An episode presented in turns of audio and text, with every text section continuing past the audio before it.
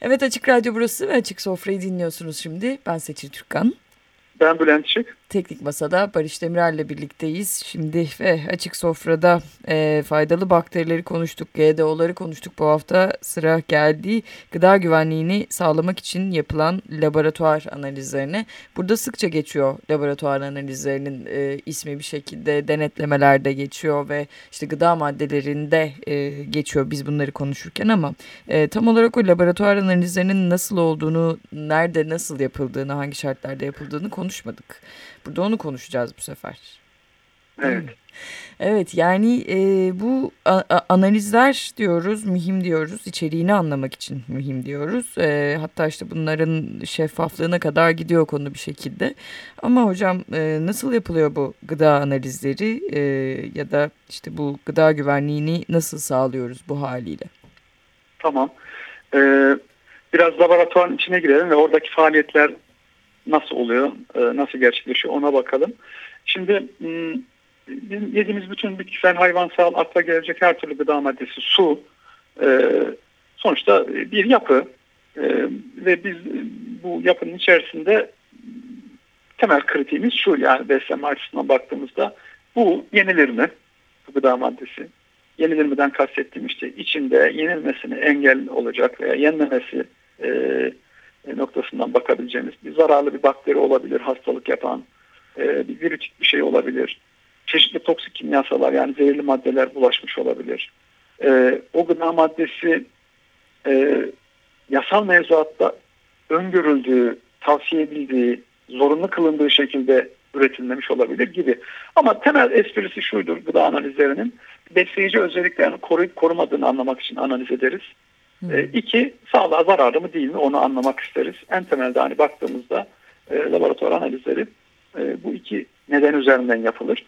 E, şüphesiz hani akademik çalışmaların gereği olarak yapılan pek çok gıda analizi var. Yani yeni yeni ürün geliştirme, bir gıda maddesinin dayanıklılığını artırma, bir gıda maddesinin e, işte şöyle saklandığında ne olur, şunla birlikte tüketildiğinde ne olur gibi oradaki hani kimyasal reaksiyonları hmm. anlamak gibi. Ama e, halk sağlığı, çevre sağlığı açısından baktığımızda e, yani gıda maddelerinde yapılan analizleri birkaç kategoriye ayırmak mümkün. Bunlardan bir tanesi fiziksel analizler. Gıdanın dış yapısıyla ilgili analizler bunlar daha çok işte görünüşü, e, rengi, e, kokusu, e, gıdanın içerisinde yabancı maddeler bulunup bulunmadığı, örneğin işte pirincin içerisinde taş olması vesaire gibi. E, bunlar fiziksel analizler kategorisinde değerlendirilir. Çoğu zaman duyusaldır yani algı organlarımızda gözle, koklamakla vesaireyle yapılır. Ee, yanı sıra çeşitli laboratuvar ekipmanlarının kullanılmasıyla yapılan fiziksel analizler de var. Ee, bir diğer e, kritik analiz, mikrobiyolojik analiz, mikroorganizmalardan geçmiş programlar bahsettik. Kimisi sağlığımız için yararlı, gerekli, e, kimisi patojen, hastalık yapıcı. Bir gıda maddesinde hastalık lara neden olabilecek e, çeşitli mikroorganizmaların olup olmadığı noktasından analiz yaparız. İşte mikrobiyoloji laboratuvarlarında bu analizler yapılır.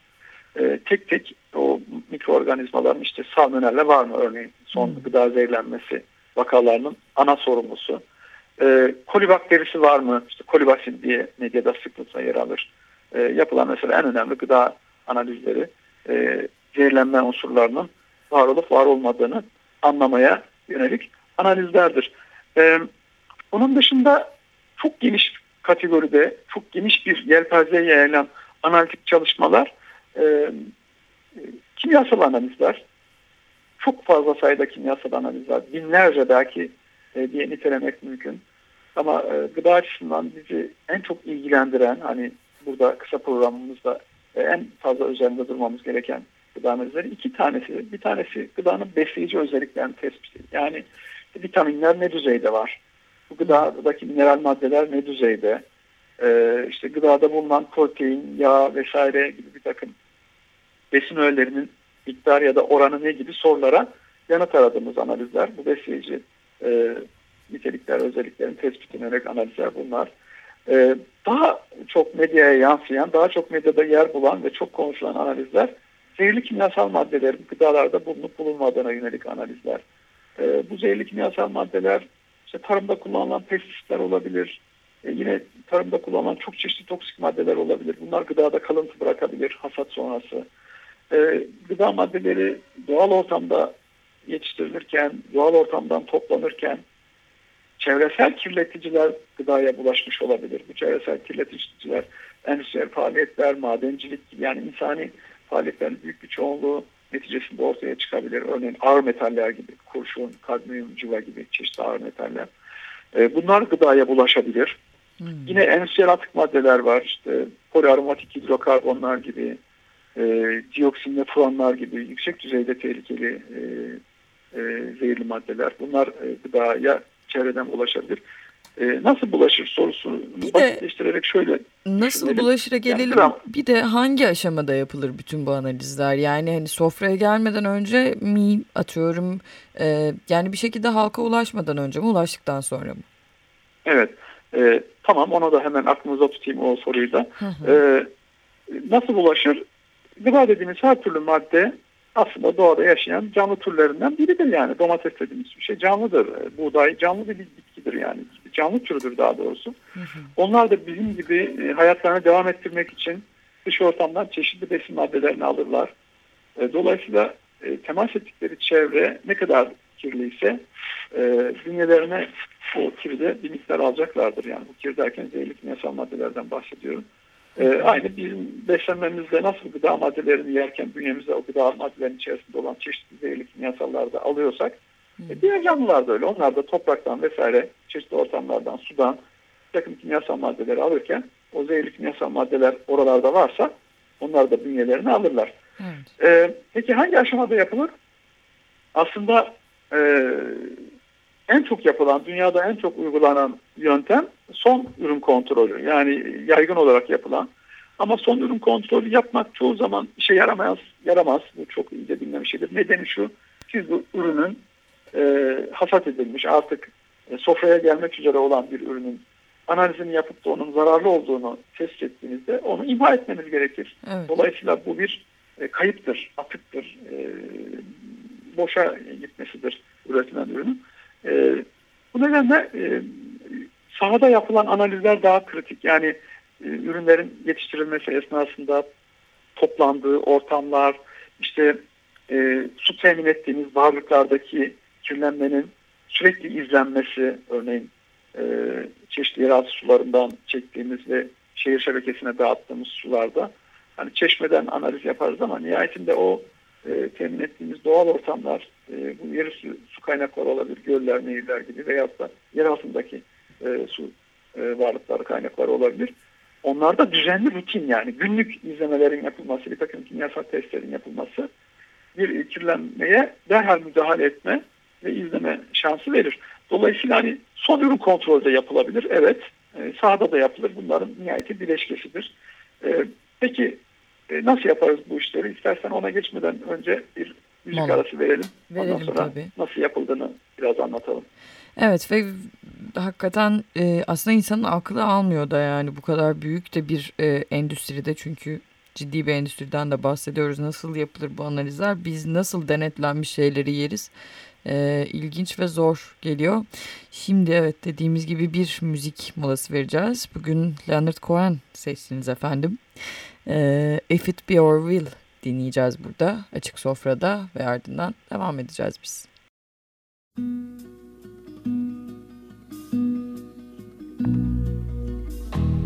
If it be your will that I speak no more my voice be still as it was before. I will speak no more. I shall abide until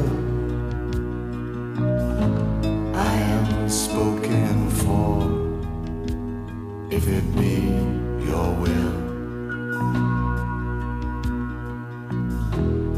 if it be your will. Let a voice be true from this broken hill. I will sing to you from this broken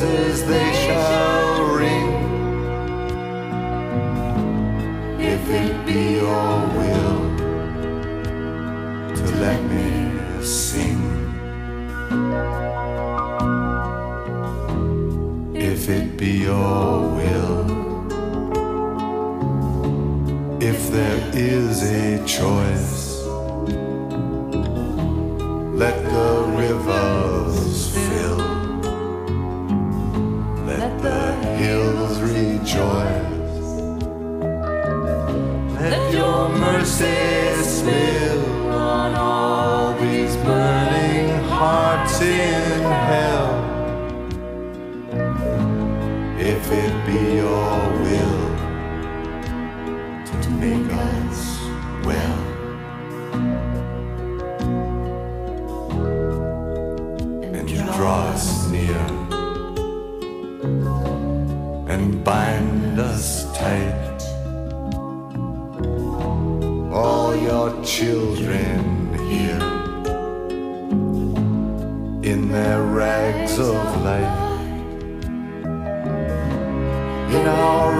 rags of light,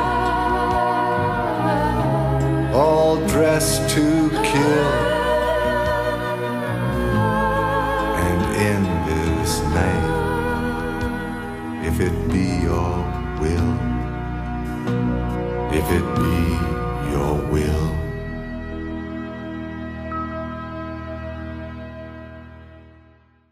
Evet açık sofra devam ediyor şimdi. Leonard Cohen dinledik burada ve şimdi kaldığımız yerden devam edeceğiz. Laboratuvar analizlerini konuşuyoruz e, gıda maddelerinde ve genel olarak da işte e, nasıl yapıldığı esas meselelerimizden biri. Bu e, laboratuvar analizleri nasıl yapılıyor esas sorumuzu buradan yola çıktık. E, aşağı yukarı bir çerçeve çizdi Bilançık bizler için ve şimdi de bu e, laboratuvar analizleri dedik. Bunların yapıldığı aşamaları konuştuk. E, nasıl yapıldığını aşağı yukarı konuştuk ama laboratuvar analizlerinden geçmiş bir gıda örneğin güvenli midir bu haliyle hocam? Evet. Ee, bu çok önemli bir soru. Ee, e, bunun üzerinde duralım biraz.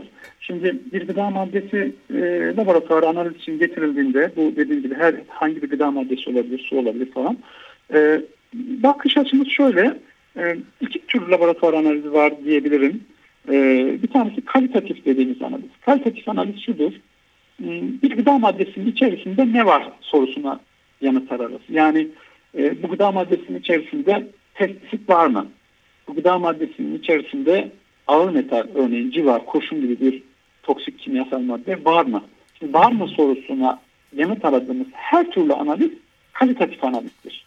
Yani siz analizi yaparsınız bu gıda maddesinin içerisinde kurşun var der o size. Pozitif bir şey gösterir. Ya da yok e, olduğunu e, tespit edemediğimizi söyleriz. E, kalitatif analiz var yok analizi diye de adlandırılır. Yani araştırdığımız madde var mı yok mu ona yanıt ararız. Hmm. E, ama asıl kritik olan kantitatif analizdir. Kantitatif analiz e, kantite miktar demek. E, miktarsal analiz diye de geçer. Miktarsal analizde şu araştırdığımız madde gıda maddesinde var mı yok mu sorusunda bir adım öteye gideriz. Ne miktarda var sorusuna yanıt ararız. Hmm. Ve e, hani zurnanın dediği yerde aslında kantitatif analizdir. Çünkü e, herhangi bir kimyasal maddeyi e, miktarsal olarak yani ne miktarda var sorusuna yanıt verecek şekilde tespit etmek çok zor bir iştir. Nedeni şu, Neden? e, bu zorluğun nedeni şu. E, bir kimyasal madde bu işte kurşun olabilir örneğin, arsenik olabilir. Gıda ürünlerinde işte çok sıklıkla dile getirilen pestisit kalıntılar olabilir. antibiyotik kalıntıları olabilir çeşitli gıda ürünlerinde, hayvansal ürünlerde falan. Hmm. E, siz bu e, maddeyi bir yöntemle tespit etmek durumundasınız. İşte analiz yöntemi adını verdiğimiz bir yöntemle bu tespiti yaparız. E, analiz yöntemi çeşitli kimyasal maddelerin, e, pek çok laboratuvar alet ekipmanının, cihazının e, kullanıldığı ve belli bir sistematik e, adımlarla kullanıldığı işte yöntem, analiz metodu dediğimiz yöntemin içeriği neyse bir e, çalışmadır. E, bu çalışma bazen birkaç dakikada biter. Basit bir çalışmadır. İşte 3-5 dakika içerisinde var yok e, tespit yapabilirsiniz. Veya 15-20 dakikalık bir analiz metoduyla işte bir gıda maddesinin içerisindeki tuz miktarını tespit edebilirsiniz örneğin. E, burada sorun şu, e, işi zorlaştıran durum daha doğrusu. Araştırdığımız kimyasal maddelerin gıda içerisindeki miktarı azaldıkça iş çok zorlaşır. Hmm. Yani diyelim peynirde tuz var mı yok mu diye bakmak işte tuz yüzde bir, yüzde iki, yüzde üç, yüzde beş neyse yani yüzde birimlerle e, bakmak çok kolay bir iştir. İşte 10-15 dakika 20 dakikalık bir yöntemle bu tespiti yaparsınız. Ama diyelim ki peynirin içerisinde e, doğal hayattan bulaşmış BDT kalıntısı varmış. BDT bildiğimiz çok tehlikeli bir toksik kimyasal madde. Evet. Eskilerde çok kullanılan. E, bunun için tabii bu tespiti yapmak çok zor. E, BDT e, bitkisel ortamlara insan eliyle bulaştırılmış bir zehirdir. Toksik kimyasaldır. Tarımda kullanılmıştır 80'lere kadar, 80'li yıllara kadar. E, ama e, tarımsal e, ortamlarda, doğal hayatta kalır. E, etkisini yitirmez bu zehirli madde ve e, doğal ortamlardan, ottan vesaireden, meralardan işte beslenen hayvanların sütüne geçer. Siz o sütten peynir yaptığınızda da o peynirde de bir miktar BDT bulunabilir. Vardır demiyorum, bulunabilir. Bunu anlamak için bir analiz yapmak çok zordur çünkü BDT'nin süt ürünlerindeki miktarı çok çok düşüktür. Hmm. Şimdi tabii çok çok düşük dediğimizde bize bir şey ifade etmiyor. Ee, yani şöyle bir örnek e, vermek mümkün. Ee, e, bir olimpik havuz düşünelim. Bu olimpik havuzun içerisinde e, nasıl diyelim Saç teli Çocukların- mesela. denizde oynadıkları böyle su kovalar olur ya işte. Hı hı. Renkli su kovalar böyle işte bir litrelik iki litrelik böyle hmm, plastikten. Ee, öyle bir plastik aradığımızı düşünelim.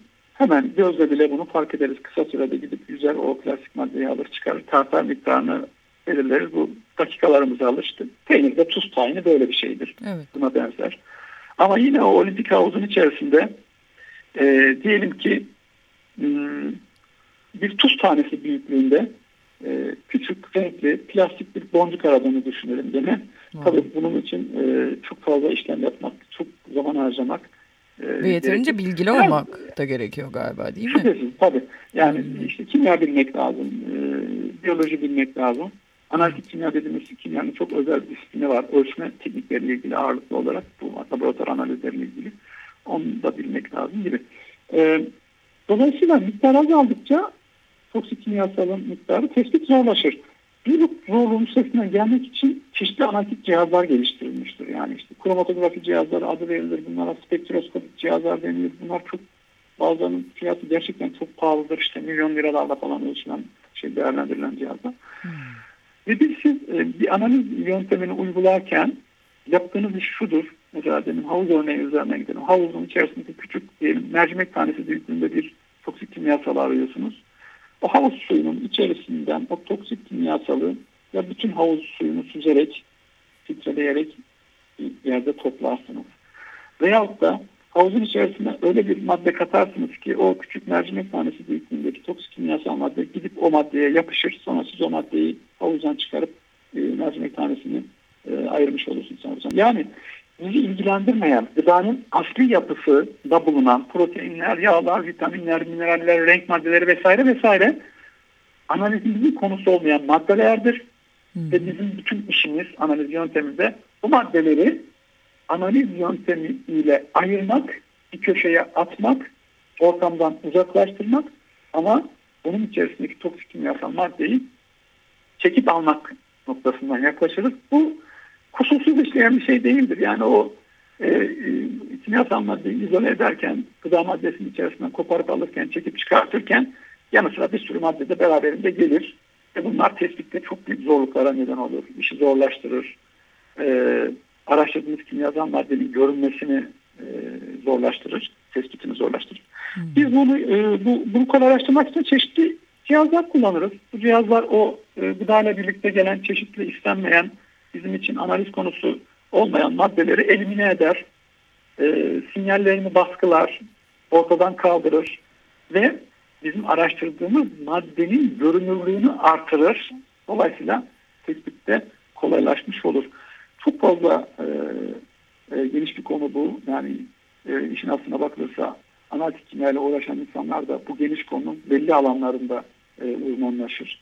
İşte hmm. kromatografi, spektroskopi, elektro e, kromatografi gibi çok çok elektroforez gibi e, çok çeşitli yöntemler var, analiz yöntemleri. Şeyleri saymıyorum bile yani nükleer manyetik rezonans teknikleri vesaire gibi çok üst düzey spektral teknikler var. E, dolayısıyla yapılan iş şudur aslında. Siz elinizde mevcut e, imkanlarla bir gıda maddesinin içerisindeki toksik kimyasalın varlığını tespit edilecek şekilde bir analiz yöntemi uygularsınız. Şimdi senin başta sorduğun soru çok önemli bir soru. Yani acaba biz e, her şeyi görebiliyor muyuz? Yani bir gıda maddesi analizden geçirildiğinde bu onun güvenli olduğu anlamına mı gelir? Hı hı. E, tabii ki gelmez. E, birkaç dakikamız kaldı hızlıca değineyim. Evet. E, mesela tespit analizleri yaptığımızı düşünelim. E, geçerli mevzuat e, 350 civarında tespit kullanımına izin veriyor. E, Avrupa Birliği'nde ve Türkiye'de. E siz yaptığınız analiz yöntemi, kullandığınız analiz yöntemi bu 350 tane testin içerisinde sadece 80 tanesini tespit edebilecek bir yöntemse hmm. e, o zaman e, ya onun da adı tespit analizi olur. Evet. Ama bir yandan başka bir yöntem düşünelim. Bu 350'nin 350'sini tespit etme yeteneğine sahip. Hangisi daha iyidir sorusu. Aşikar ki tamamına baktığımız bir analiz yöntemi tamam. gıdanın güvenliği, güvenliği hakkında çok daha fazla yani sağlığa uygun mu değil mi, zararlı mı değil mi noktasında çok daha iyi fikir verir. En büyük tartışma konusu da budur. Gerek ulusal düzeydeki kurumlar, ülkemizde bakanlıklar, Sağlık Bakanlığı Tarım Bakanlığı bu konuda mesul. Çevre Bakanlığı da mesul ama onların yaptığı çalışmalar hikayedir yani. Doğru düzgün çalışma yaptığını söylemek olanaklı değil.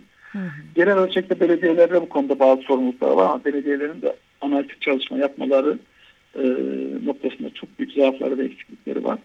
Bir de uluslararası planda işleyen kurumlar var. Bunlar daha çok norm oluşturucu kurumlardır. Hmm. Analiz yöntemleri nasıl geliştirilir sorusu akla gelir. Biraz hızlı hızlı gidiyor ama her biri konu başlığı aslında. Evet değil mi? Ee, çeşitli akademik kurumlar, e, üniversiteler, araştırma kurumları, e, yine işi araştırma olan kamu kurumları bu analiz yöntemlerinin geliştirilmesi konusunda çalışırlar.